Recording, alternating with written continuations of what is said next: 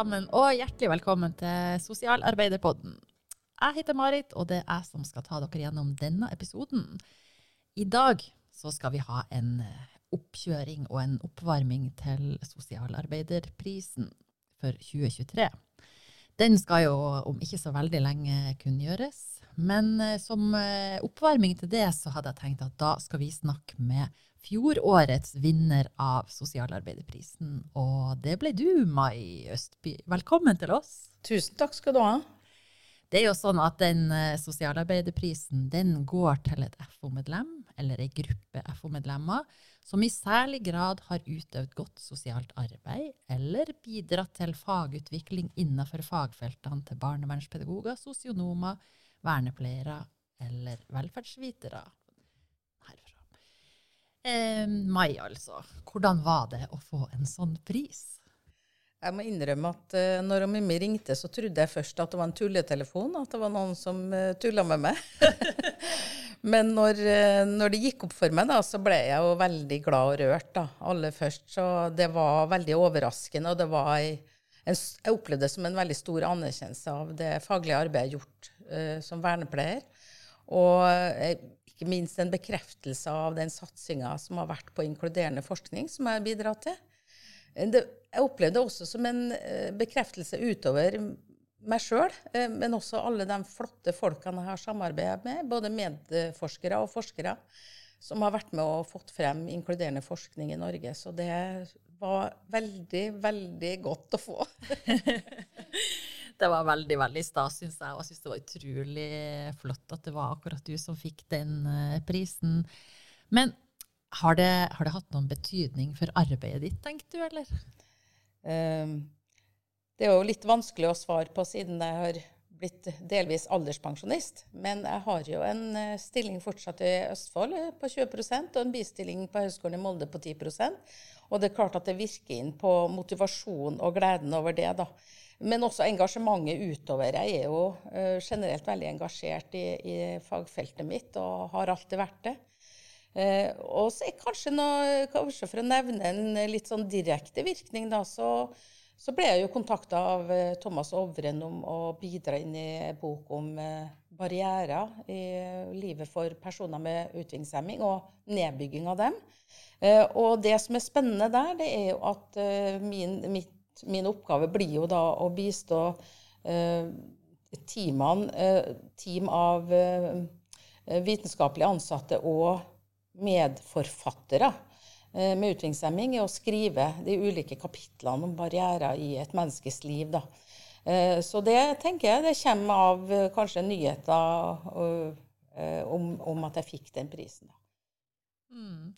Og da var det jo liksom rett videre på det som var også årsaken til at du fikk eh, sosialarbeiderprisen, nettopp det med ditt engasjement for og ditt arbeid rundt det med inkluderende forskning. Men kan du ikke si litt til de som ikke kjenner så godt til det? Hva er egentlig inkluderende forskning, og hva var det som gjorde at du starta med akkurat det? Ja, Inkluderende forskning kan jo betegnes som et paraplybegrep. Da, og det ligger jo ganske godt i eh, begrepet i seg sjøl, inkluderende. altså Det betyr at det, er noen som er inkludert, og i vår sammenheng så er det da personer med utviklingshemming. Noen vil tenke at de har hørt begreper som medforskning. Det er brukt en del innenfor psykisk helsearbeid. Så har, eh, har det vært gjort en del prosjekt der. Og det finnes en hel rekke kan du si, nyans, nyanser av inkluderende forskning. Det handler jo om at den forskninga handler om, skal være med og forske selv eh, ikke bli forska på, men forske sammen med. Så det er jo en, eh, i Norge en sånn 10-12 år siden vi begynte, men i England har det jo vært en mye lengre tradisjon, også Australia osv., men kanskje England spesielt, som jeg har lyst til å nevne. da. Uh, og det er noen, noen nyanser her, da. ikke sant, At man har For enkelte så har man jo det her med emansipatorisk forskning, som er mer begrunna i det her frigjørende forskninga. Eh, og dit har vi nok ikke kommet, fordi at eh, da skal det meste styres av eh, dem som er, er med på å forske, og ikke av forskere. Så, men vi er på god vei til å få inkludert på en god måte i Norge, syns jeg, da. Og for meg så er det en, en, naturlig og helt nødvendig fortsettelse av det fokuset på brukermedvirkning som man har sett i, i helse- og sosialsektoren i mange år. Eh, så ja. Eh, det er grunnen det jeg kan si, for å si det kort. ja, det er jo veldig bra. Vi synes jo at det, var, det er jo utrolig spennende også, for det var liksom sånn på en måte mye nybrottsarbeid dere har gjort her eh, i landet. Så det har jo vært veldig, veldig spennende. Men hva var liksom grunnen til at dere begynte? Ja, når du, når du spurte om jeg ville være med på denne podkasten, da tenkte jeg nå må jeg nå gå tilbake. For du har en slags sånn intuitiv forståelse av hvor det her begynte. Fordi det, det baserer seg jo veldig på en sånn uh, veldig klart ideologi på at folk skal få lov å delta, og at folk har en verdi, at folk kan osv. Men da begynte jeg å gå i gamle papirer, da. og uh, i en av våre tidligste prosjektskisser som, uh, hvor vi hadde med inkluderende forskning som følgeforskning. Eh, da var hovedtema etikk, etikk og bistand i eget hjem. da. Og det var Marit Haugenes fra det som het HINT den gangen, og også Asmyr fra HIST, som det het den gangen, som var med på det og starta det. Og da skrev vi, det synes jeg hadde litt lyst til å lese opp, for jeg syns det sier ganske mye da, om hva vi tenkte i 2010 når vi søkte vi mener imidlertid at personer med utviklingshemming vil være viktige deltakere i et slikt arbeid for å formidle sine historier, komme med sine opplevelser knyttet til å motta hjelp, og ha muligheten for å bli sett og hørt i et slikt forskningsarbeid. For deltakerne i prosjektgruppen kan dette ha direkte personlig betydning, men vi mener at å få en stemme inn i kunnskapsutviklingen også kan få betydning for personer med utviklingshemming generelt. Det handler i stor grad om at personer med utviklingshemming selv kan delta i tjenesteutvikling. Så det med deltakelse i tjenesteutvikling er jo sentralt her, da. Så det var det vi tenkte på det, den gangen. Og vi la jo stor vekt helt fra starten av å prøve å lykkes med en veldig sånn reell deltakelse. Eh, ikke uten humper. Eh, humpene finner vi ennå, og feil gjør vi, men vi prøver nå virkelig å få det til. Eh, og vi relaterte jo til det med å være deltaker, da, og den gangen så baserte vi oss veldig på NFU sine verdier. Eh, ikke CRPD. Vi viste ikke til CRPD. Det her var 2011. Ratifisering i 2016. sant? Så, eh, men eh, seinere tid, og særlig nå, så er jo, det, er jo det med CRPD blitt en av de tingene vi knytter det veldig klart til. da. Og, og, i CRPD så har de jo noe i fortalen som sier veldig klart om at mennesker med nedsatt funksjonsevne bør ha anledning til å delta aktivt i prosesser som fører frem til beslutninger om politikk og programmer, herunder dem som berører, berører dem direkte. Og, og sjøl om det ikke står forskning, så vil jo forskning være en prosess som fører frem til tjenesteutvikling. Så, så sånn har vi knytta det til CRPD, da, og også til til, til punkt åtte om, om, um, det å få endra holdninger, få synliggjort at folk kan. Da. Så jeg syns eh, det relateres veldig godt til CRPD, det å drive med inkluderende forskning. Det gjør det jo absolutt. Og jeg husker jo sjøl, for jeg var på en, da var jeg på Høgskolen i Molde og hørte på han, vet han Ole Magnus Oterholm. Oterhals. Oterhals, heter han. Ja. Eh, en gang tidlig i det prosjektet dere hadde. Jeg syns det var utrolig fascinerende og ikke minst veldig viktig arbeid der. Ja, og vi har jo samarbeida i fjerde prosjektet nå. Han Ole Magnus og jeg, vi begynte jo fra det første prosjektet. Eh, så ja. Vi jo, begynte jo med Mitt hjem min arbeidsplass, hvor vi eh, utvikla filmvignetter som var basert på historier fra utviklingshemma. Og det var jo, var jo vignetter som skulle vise dilemmaer i den daglige omsorgen. uh, og, og, det var jo både filmer og arbeidshefter med refleksjonsspørsmål som vi tenkte kunne brukes både til samtaler uh, mellom og sammen med personer med utviklingshemming, for ansatte, men også for studenter. så det var jo en god start, syns jeg, da. Og vi fortsatte jo egentlig med samme metode i Slik vil jeg ha det, som handla mer om selvbestemmelse og selvhevdelse, hvor vi hadde gruppesamtaler. Eh, det var jo et prosjekt støtta av Ekstrastiftelsen, nå DAM, men som var eid av NFU. Og vi hadde da Teater Nonstop fra Nord universitet som spilte inn, spilte inn det her filmvignettet. videre kom vi til prosjektet Jeg kan, som handla om velferdsteknologi uh, for personer med utviklingshemming. Uh, og det var også med inkluderende forskning i, som hovedprinsipp. da. Uh, grunnen til at jeg nevner alle disse prosjektene, det er jo for at det er en tråd her mellom de ulike prosjektene. Ikke bare når det gjelder den inkluderende forskninga, men også tematisk. For det dreier seg om uh, hvordan folk som mottar tjenester, kan få et bedre liv. Altså Det er liksom det, det endepunktet, det man ønsker å oppnå. da. Og det er jo relevant tema i dag med de siste ukenes uh, omsorg bak lukkede dører.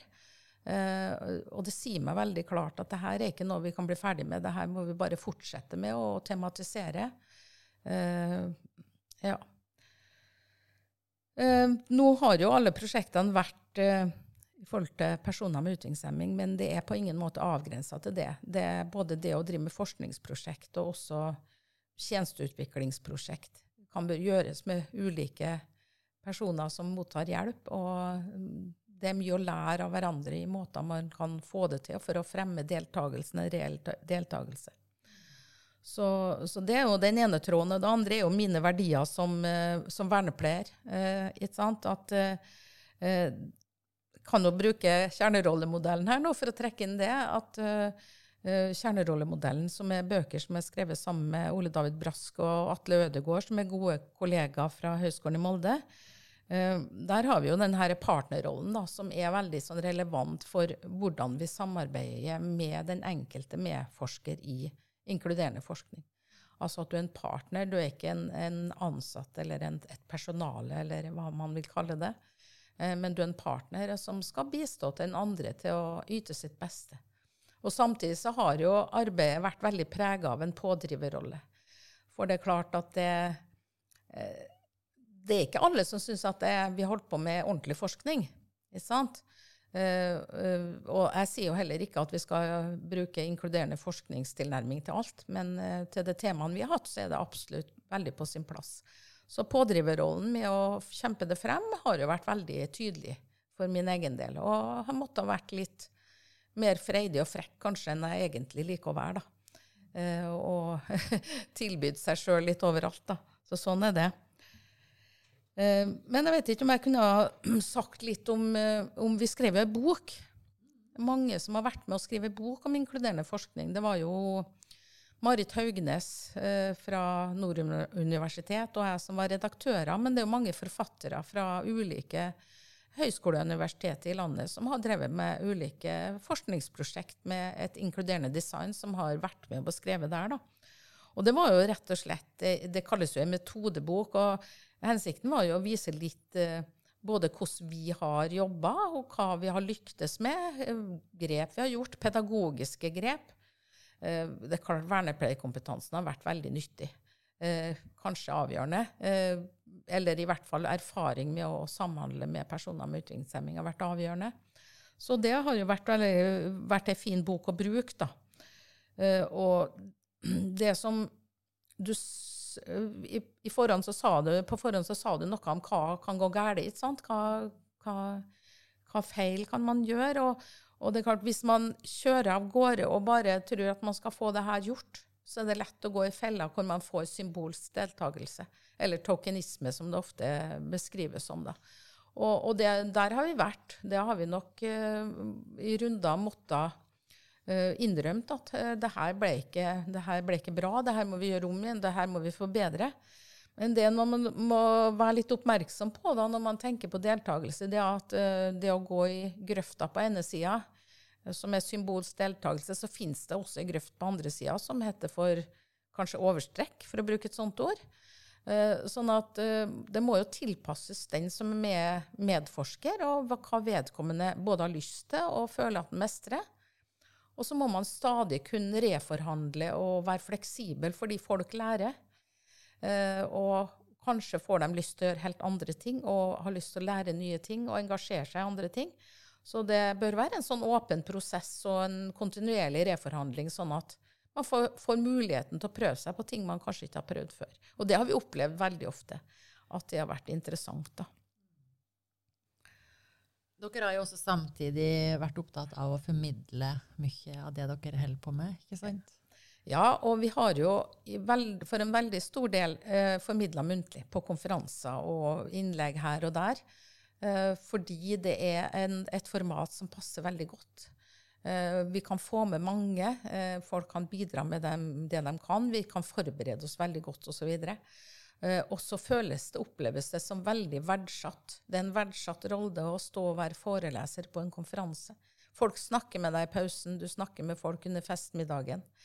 Eh, så det har vi gjort veldig mye, og så har vi jo skrevet en del lettlest. For eksempel så fikk vi jo eh, faktisk et helt eh, temanummer i SO-rapport.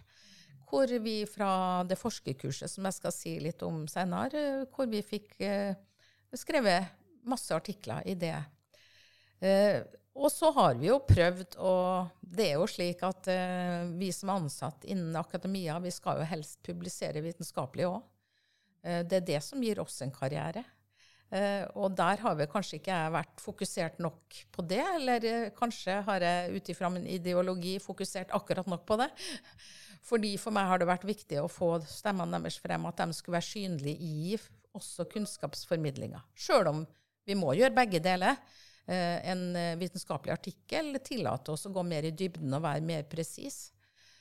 Så vi, det må være helt klart, da.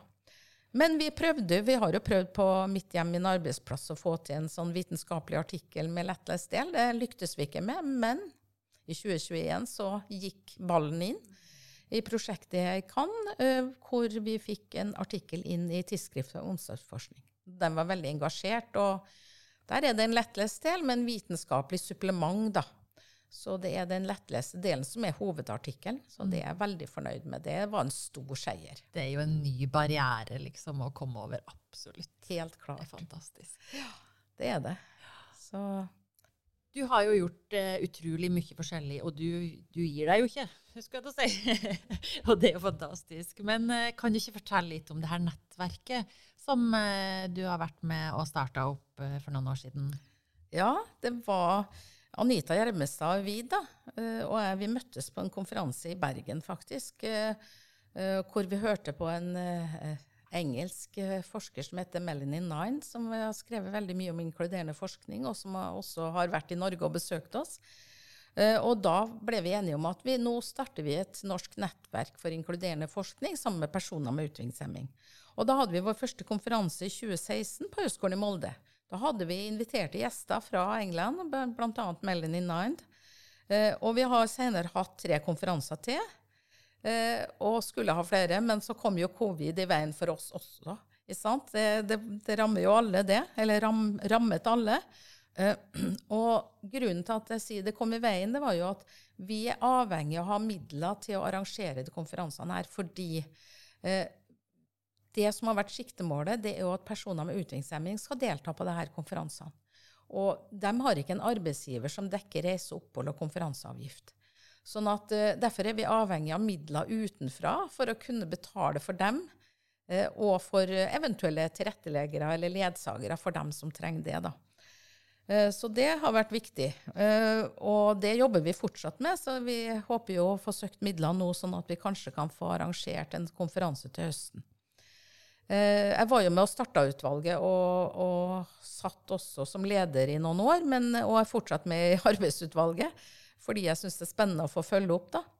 Eh, og det er viktig at vi holder temaet om inkluderende forskning høyt, fordi at det skal utvikle seg videre. Vi er, ikke, i mål, vi må bare fortsette å lære nytt og finne nye grep. og eh, vi har da I ventetida har vi arrangert noen webinarer da, som har vært tilrettelagt for personer med utviklingshemming og andre interesserte. Det er den rekkefølgen. Men, og de har vært veldig nyttige og veldig fine, men vi har ikke helt klart å komme ut. Det har vært få deltakere, og det er beklagelig. Så vi har ikke knekt koden der, så det må vi jobbe videre med, hvordan vi skal få til det. Så det, vi har jo ei Facebook-side, Nettverk for inkluderende forskning, som er fint for den som er interessert i forskning på det temaet her, da. Mm. Utrolig spennende. Jeg følger den eh, sida sjøl, der ja. det legges stadig ut nye og relevante artikler òg, for de som er særlig interessert i dette temaet. Men uh, helt til uh, slutt så vet jeg jo at uh, Mai, du driver på med nye ting. Kan du ikke si noen ord om dette forskerkurset også? Ja. Det er jo ikke, det er jo ikke helt nytt, det er i avslutninga, men det var da et treårig eh, prosjekt. Eh, det var en naturlig oppfølging av erfaringene vi har hatt i tidligere prosjekter eh, med inkluderende forskning. At OK, det trengs skolering. Vi har tatt det litt sånn usystematisk i den forstand underveis og lært oss nye ting hele veien. Men så tenkte vi det at nå prøver vi å få til ei utdanning eller et forskerkurs for utviklingshemma. Så det er jo Nord universitet, NTNU, Høgskolen i Molde, uh, VID i Sandnes Nei, Stavanger nå. uh, Oslo OsloMet, og så Høgskolen i Fredrikstad, som har vært uh, med i det prosjektet, og jeg har vært prosjektleder. Og da det, har det vært team på hver plass med to forskere og to medforskere. Så vi har utvikla et uh, kurs uh, om forskning, uh, hvor vi har uh, laga kunnskapsark om de ulike delene i et forskningsprosjekt, og powerpointer, øvelser osv. Og, og vi har også gjennomført det kurset etter vi utvikla materialet. Og 39 personer med utviklingshemming i Norge har tatt det kurset. Uh, etter eh, kursgjennomføringa så har vi revidert alt materialet, og det ligger da til gratis deling på NAKU sine sider. Det gjør forresten materialet fra mitt hjem, min arbeidsplass, og slik vil jeg ha det også. Eh, og både det, alt det materialet her kan jo være veldig egnet for studenter også, ikke bare ansatte. Eh, men jeg har jo, hvis jeg får lov til å si det, da, så har jeg jo lyst til å si at 39 personer har gjennomført det kurset her. Og det er en oppfordring til både høyskoler, universitet og også kommuner eller andre etater om å benytte seg av de folkene her. Eventuelt, e-, eventuelt benytte seg av materialet. Eh, og bruke det hvis man skal ha prosjekt. Det trenger ikke å være forskning, det kan være tjenesteutvikling. Fordi det er mange av elementene som kan brukes på, på det også. Så eh, det er spennende. Vi er snart ved veis ende. Driv og skriv. Og ja, så får vi håpe bare at eh, veien for inkluderende forskning bare fortsetter og fortsetter. Tusen takk. Altså, jeg er ikke i tvil om for det første at du var en utrolig, utrolig bra vinner av Sosialarbeiderprisen for det arbeidet du har gjort for inkluderende forskning. Det er fantastisk, Mai. Tusen, tusen takk. Det er veldig godt å eh, få snakke med sosialarbeiderprisvinneren. Og det var jo også fordi at vi ønska å liksom bygge opp eh, spenninga mot årets eh, vinner for 2023. Det nærmer seg. 21. mars blir det kunngjort hvem som er vinner av Sosialarbeiderprisen for i år. Så inntil da får vi si uh, ha en bra dag, alle sammen. Og del gjerne Sosialarbeiderpodden i de foraer der du ferdes. Takk for nå.